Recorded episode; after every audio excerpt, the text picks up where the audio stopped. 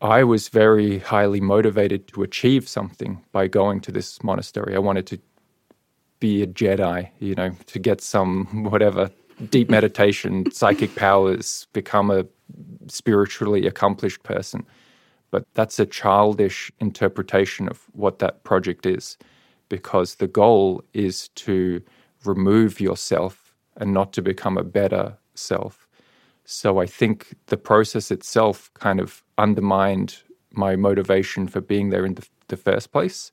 And also, I held myself to extremely high standards when I was there. So something kind of, uh, you know, not not every team can be in the Premier League, and I I think I kind of relegated myself out of Premier League Buddhism.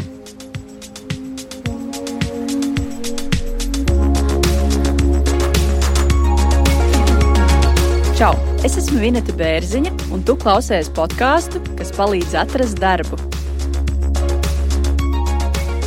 Mans podkāsts ir cilvēcīgas un saprotamas sarunas par darba meklēšanu un atrašanu. Pie manis šodien viesojas Džeigs Sebastians Džons no uzņēmuma Nordigen. Uh, Nordigen viņš ir uh, angliski sakot uh, CTO, jeb galvenais tehnoloģiju vadītājs, jeb IT vadītājs un šodien viņš stāstīs savu stāstu, kā no Austrālijas nonācis Latvijā. Sveiks, Džek! Nu, labdien! Pirmais, ko es tev gribu jautāt, cik ilgi tu esi Latvijā, un vai tu latviešu valodu mācies pašmācības ceļā, vai tev ir kāds, varbūt, pasniedzējs vai skolotājs, kur tu ej, pie kura tu ej? Jā, es, es šeit Latvijā dzīvoju trīs gadus, un nu, galvenokārt es, es lasu grāmatas, žurnālus, Man kādreiz bija skolotāja, un mēs individuāli mācāmies latviešu valodu, bet um, man ir um, pašinteresē uh, valodu, pie, īpaši latviešu valodu. Protams, es uh, dzīvoju šeit, es gribu, es gribu mācīties, un um, jā, es mēģināju sarunāt ar citiem cilvēkiem un um, lasīt kaut ko, klaus, klausīties kaut ko.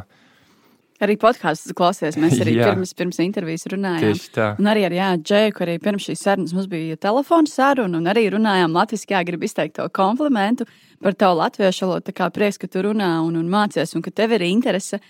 Šodien mūsu sarunu organizēsim angļu valodā. Varbūt ar, ar, ar mūsu podkāstu klausītāju atļauju pāriesim uz angļu valodu, un ticu, ka nu, lielākā daļa mūsu klausītāju saprot angļu valodu.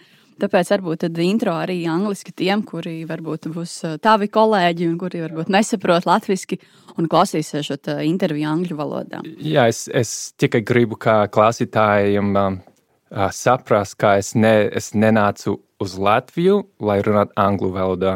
Un uh, es ar prieku māc, uh, mācos latviešu valodu. Un, uh, jā, es. Uh, Um, acīm redzot, es neesmu vislabākais latviešu valodu runātājs, un tādēļ mums uh, mēs runāsim angļu valodā, bet es, uh, es gribu labāk runāt latviešu valodā. Bet no aizkadrā un arī pa telefonu sarunu visas mūsu sarunas bija latviski. tā kā tā.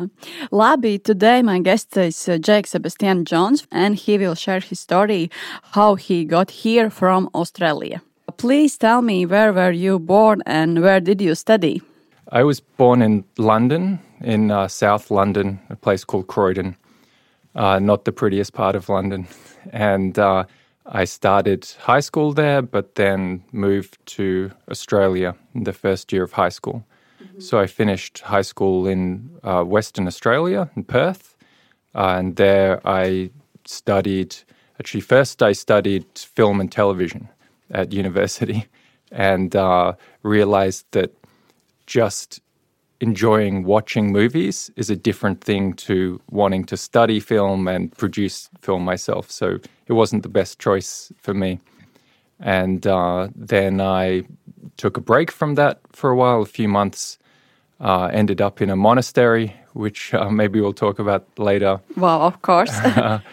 and um, yeah, after that, went back to university and, and started this this um, kind of technology career path. Uh, on your LinkedIn, I saw that you was uh, working on Dolby company. Uh, is it related with your uh, education? Um, Television uh, that you mentioned before. Uh, not directly, no. no. That company is all about film and television, but um, I suppose I had some sympathy for the industry and understand uh, to some small extent how that industry works, which was relevant. But my day to day work was all technical there. Mm-hmm. And how did you become a programmer? All right. Uh, actually, when I was a, a, kid, maybe 10 or 11, my uh, mother and grandmother together uh, saved up money to buy me a computer and got me a introductory programming set. This must have been the mid 90s, maybe 1994. So, and I used to play around with this, do a bit of programming, but uh, I didn't pursue it that much at high school or in university. But uh, after I, I left this uh, monastery, had a few jobs, kind of trying to figure out what I wanted to do. I went back to university to study Chinese because um, I was working with um, in a place with a lot of uh, foreign people, and I interested in languages. So I got uh, one of the Chinese guys to start teaching me Chinese, and I thought if I'm going to do this uh, as a hobby, I may as well do it at university and get a degree as well. So I went to university to study Mandarin Chinese, and I had to pick some electives. So I chose to do programming just for no reason at all, really, something interesting. And when I uh, started this first first year programming class, all the memories about the stuff I did in my childhood kind of came back. I remembered that I enjoyed it. I was pretty good at it. And uh, I got very close to 100% in that programming class, like 99 uh, percent my grade. And then I thought, um, well, I, I enjoy this so much. I seem to be good at it, I may as well uh, change my degree from Chinese to uh, computer science. you have lived in a monastery. Could you uh, tell me, please, more? Please share maybe some details and memories. yeah. So I lived in a Buddhist monastery for about five years. Five years. Wow. Yeah, from from age eighteen to twenty three, something around that. So when I left high school, went to university. I was studying film, but it didn't really click with me. Uh, and then I just stopped going to university, stopped attending classes, and I really didn't know what I wanted to do. And I think this actually affects a lot of young men that you finish these institutions like uh, high school, uh, you don't find yourself in a new institution, and then you you have no way to orient yourself in the world. So I used to just um, meet up with people, go to different places, and uh, think a lot. And I'd had some exposure to Buddhism before. My mother used to take me to all different religious places because she had this idea I should, you know, make up my own mind about things. So she'd taken me to almost every different kind of church and temple and synagogue and mosque possible when we were in London. So uh, I'd had some exposure to Buddhism and a very argumentative and critical person. and I found myself dismissing all these religions uh, as a young and uh, obnoxious, arrogant young person. You know, this is all bullshit. Uh, but Buddhism, I found it very difficult to argue my way around. I found myself losing the argument, you know, in my own head.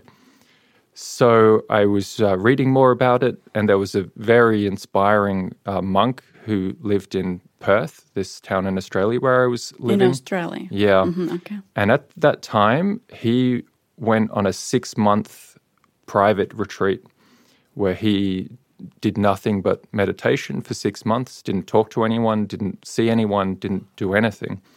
And I saw him uh, on the the his first public appearance after this retreat, and he was really radiant. You know, he was glowing with this power and happiness and contentment. And I thought that uh, if, if he can sit in a room for six months and come out looking like that, then there must be something really important and interesting. So I started doing more meditation myself and went to the monastery where this uh, monk was the teacher and asked, you know, what's the process? And ended up there myself for five years. and also did a lot of sitting in a room meditating.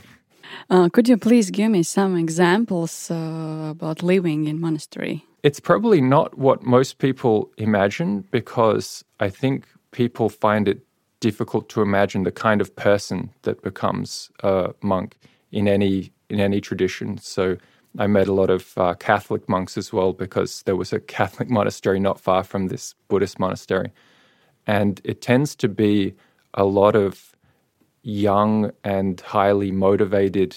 It's men, obviously. There's only men in this monastery, so uh, it's people with a lot of drive and interesting life stories. So I think people imagine a Buddhist monk and they imagine a stereotypical uh, kind of vegetarian who does a lot of yoga. but you're more likely to find, um, you know, we there was a former stockbroker there who was doing a lot of dodgy trading stuff in Bangkok in the 90s when it was unregulated. There was uh, engineers, uh, mathematicians, and um, there was a, a, German punk, and uh, just a lot of really kind of interesting guys with a lot of uh, motivation and uh, not your typical yoga vegetarian at all. So we had a lot of very interesting conversations. Like in the monastery, there's nothing to, to do. There's no entertainment at all. So you, your only entertainment is to talk to each other. Mm-hmm. So when we weren't alone in our rooms meditating, we'd get a pot of coffee, carry it out into the forest, and sit and talk about um, you know life stories and Buddhism. And uh, yeah, it was a it was a really good time. And why you leave the monastery? Yeah, that's um I'd like to know that the answer to that question myself. uh, that's what I tell myself about that has changed over the years. So I was this. I'll do the best job I can to explain it. The goal of Buddhism is to let go of everything. In order to do that, you let go of your preferences for things to be one way or, or another. So I was very highly motivated to achieve something by going to this monastery. I wanted to be a Jedi, you know, to get some whatever deep meditation, psychic powers, become a spiritually accomplished person. But that's not, that's a childish interpretation of what that project is, because the goal is to remove yourself and not to become a better self. So I think the process itself kind of undermined my motivation for being there in the, the first place. And also, I held myself to extremely high standards when I was there. So something kind of, uh, you know, not not every team can be in the Premier League, and I I think I kind of relegated myself out of Premier League Buddhism. Could you please um, tell me more about your Australian experience, job experience? So working in Australia is is very interesting and different to other places because of the Australian culture. It's not for starters it's quite easy to get work in Australia and it's quite an egalitarian place where the amount that you like a, a lot of um, plumbers and electric, electricians will make a lot of money will often be the best paid people because these trades are in high demand and uh, it, you know it's not totally not uncommon for a plumber to be earning more than the prime minister of the country. So for me, it actually affected my motivation in a negative way because you have a very egalitarian culture, high tax, everything is very expensive. And so I found myself with not a lot of motivation to earn more or to try harder because when you're already paying 50% tax and everything is already very expensive, all of the cheap things you can, you know, you already have a toaster and a microwave or, or you know, stuff that's cheap in Australia because it comes from China. So the things that you could make your life better are very expensive. You're going to pay a huge amount of tax.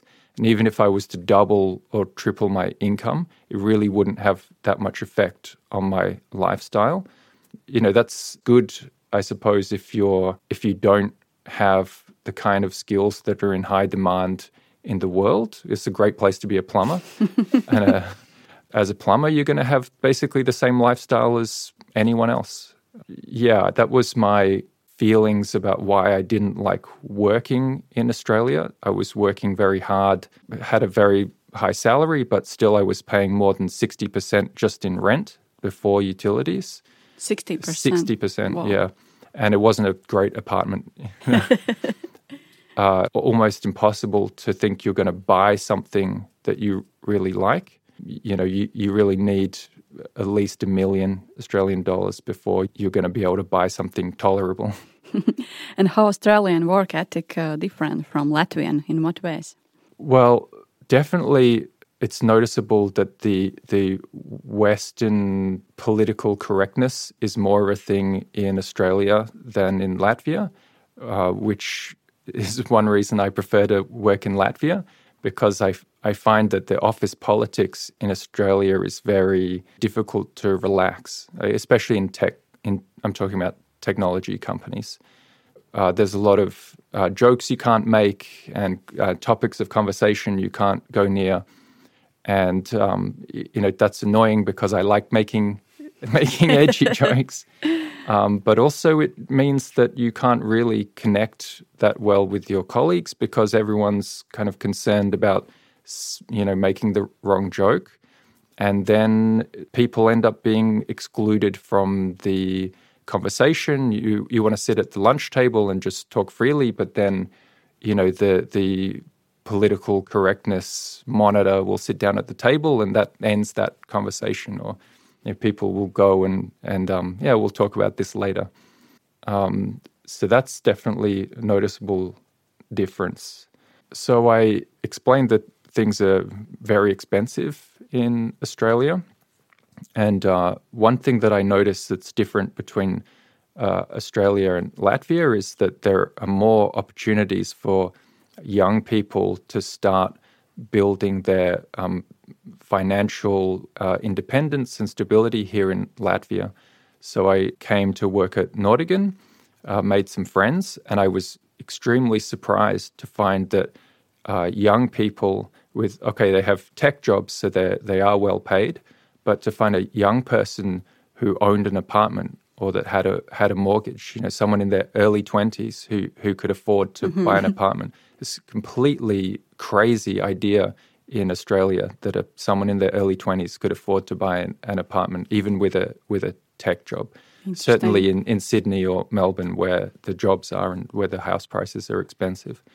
So I, I think it's actually easier for young people at the start of their career in Latvia to imagine how their career and their financial independence is going to progress in the near term, in the next five years, in the next 10 years.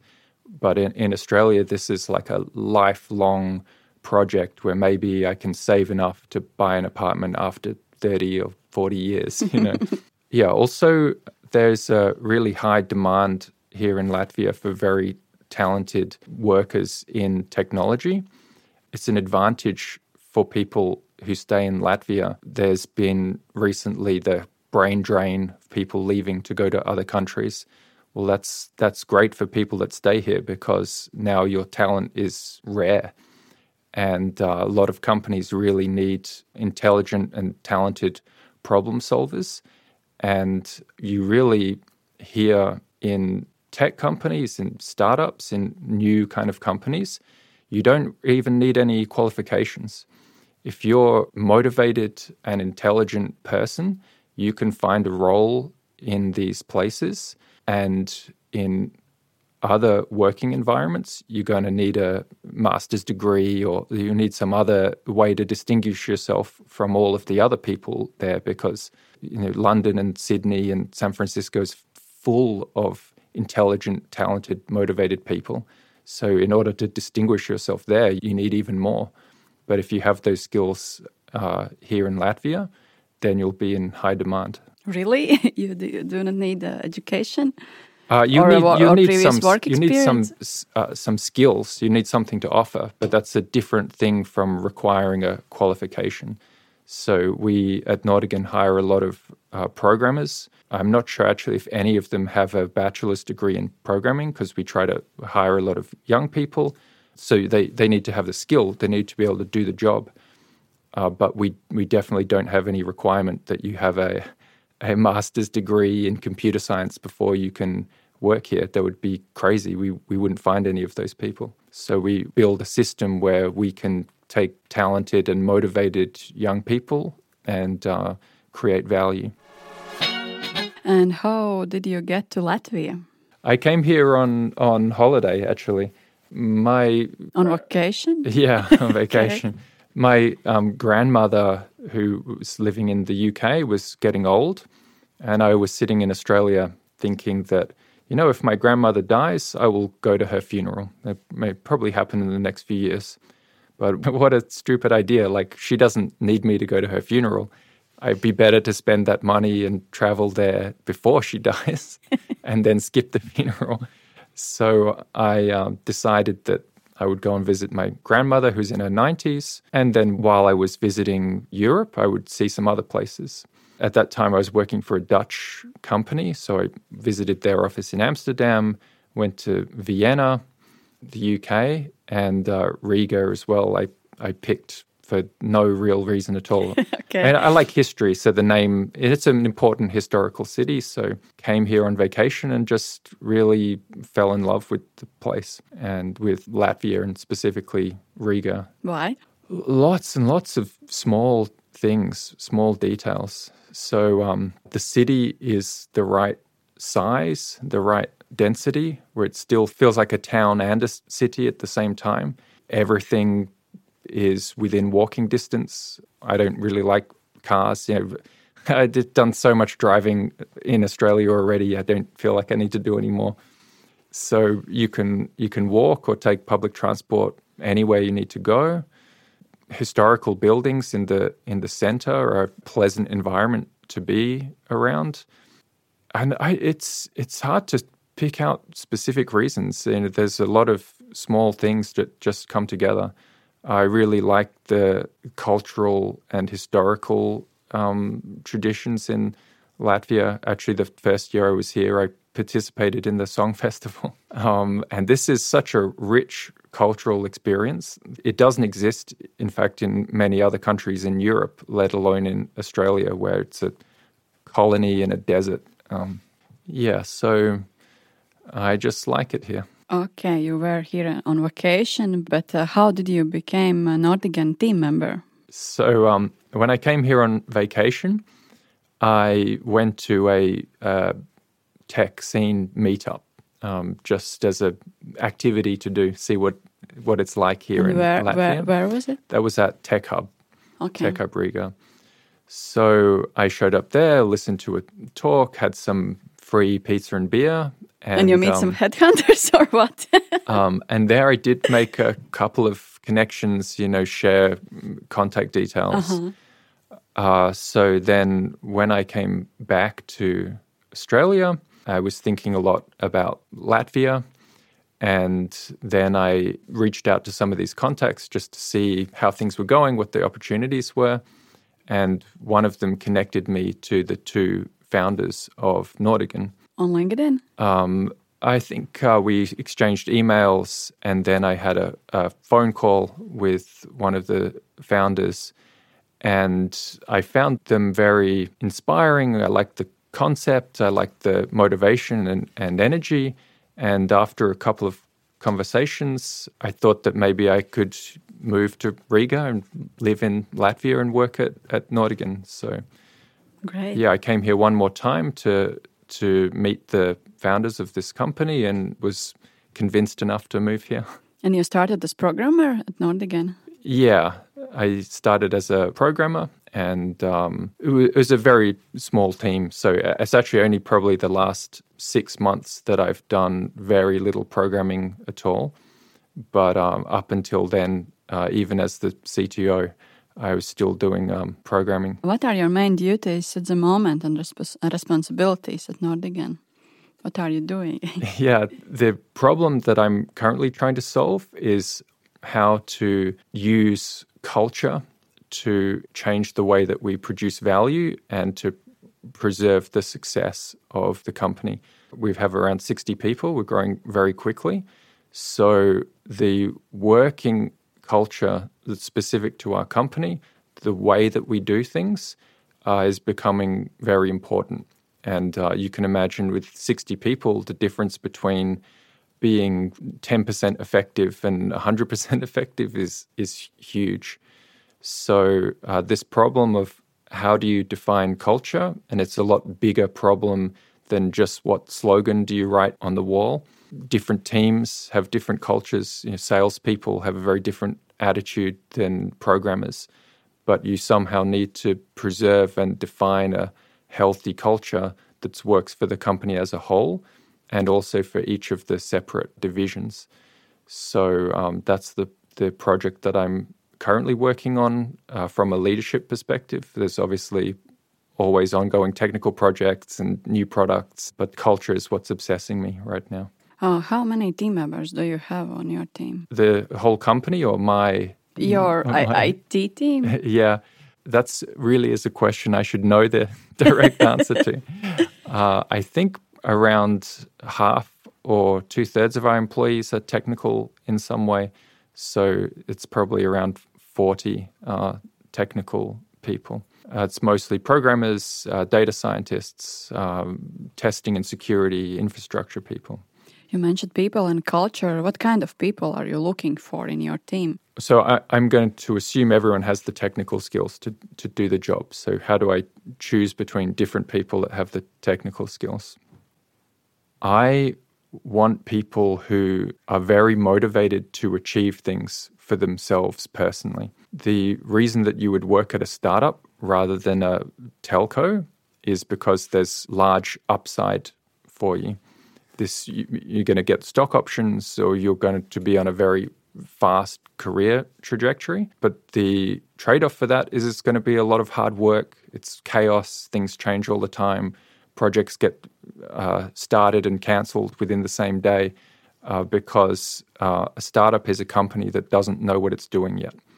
So you have to be comfortable in that, very highly personally motivated, and uh, willing to deal with chaos.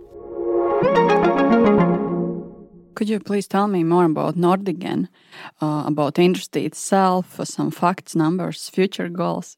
So, Nordigen is open banking service provider. Open banking is a concept that your bank data should be accessible outside of your bank with your permission. The European Union has passed a law making this uh, mandatory in Europe. But uh, the general idea is that you should be able to share your bank data with an app, for example, that you might want to use to manage your funds, or perhaps you want a um, different user interface for your bank account that's not the not your bank's app, it's something else. And the principle is that you own your data, you own your bank account, so you should be able to share it. Um, so where Nordigen comes in is that the EU can pass a law, but that doesn't mean that it's going to be very conveniently implemented across 6,000 or so banks uh, in Europe.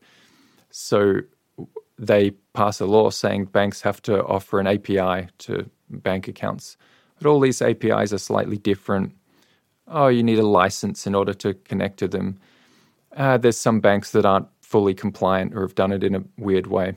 So Nordigen is offering a unified API, a consistent API to several thousand different bank APIs in Europe, and we have the right uh, licenses and permits to provide this. So if anyone wants to build an app that connects to bank accounts, they can use Nordigen to do so. This is uh, potentially an enormous market. The thing that hasn't been discovered yet is what is the killer app that's going to use this new opportunity. It hasn't been invented yet. So Nordigen's plan is to become the kind of infrastructure provider.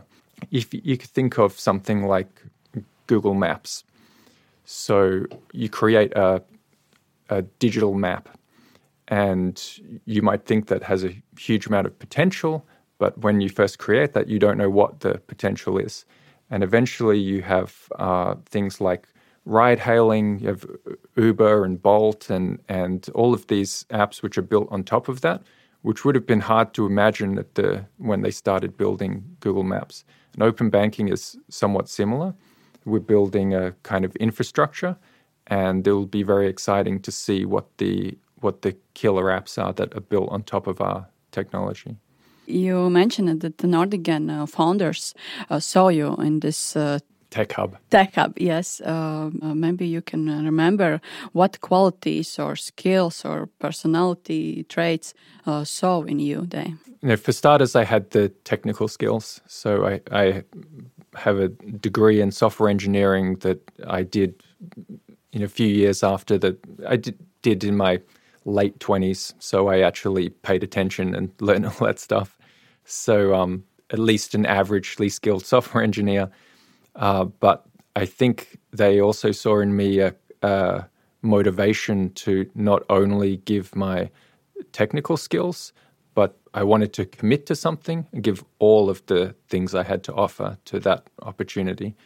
So that's problem solving in general, a genuine commitment to the project so that I identify the company's problems as my own problems and I'm going to like work to fix it. Yes and uh, take responsibility for solving those problems. And I think it's it's hard to overestimate the how important it is for businesses to have truly committed people who aren't going to just give up on the problems when it gets to five o'clock or pass the problems off to someone else.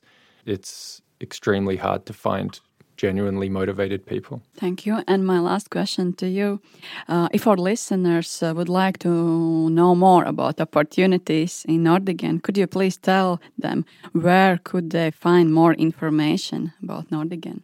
Well, as I as I said, we're interested in very uh, motivated people who want an opportunity to make a career in tech, and um, I think these motivated people can figure it out by themselves how to find Nordigen and how to get to us. So um, when you figure it out, I'll be happy to talk to you. uh, Jake, thank you very much uh, for uh, that you share your experience about Australia, about Nordigen, and uh, of course your fantastic experience as a monk. Thank you very much. Bye. Bye. Tu noklausījies podkāstu, kas palīdz atrast darbu. Lai dzirdētu visas intervijas, seko pirms darba visās podkāstu aplikācijās arī Facebook, Instagram un YouTube. Iesaki tēmu, nāc uz interviju vai reklamē savu uzņēmumu podkāstā. Kontaktus atradīsi epizodes aprakstos un manā LinkedIn. Uz sadzirdēšanos!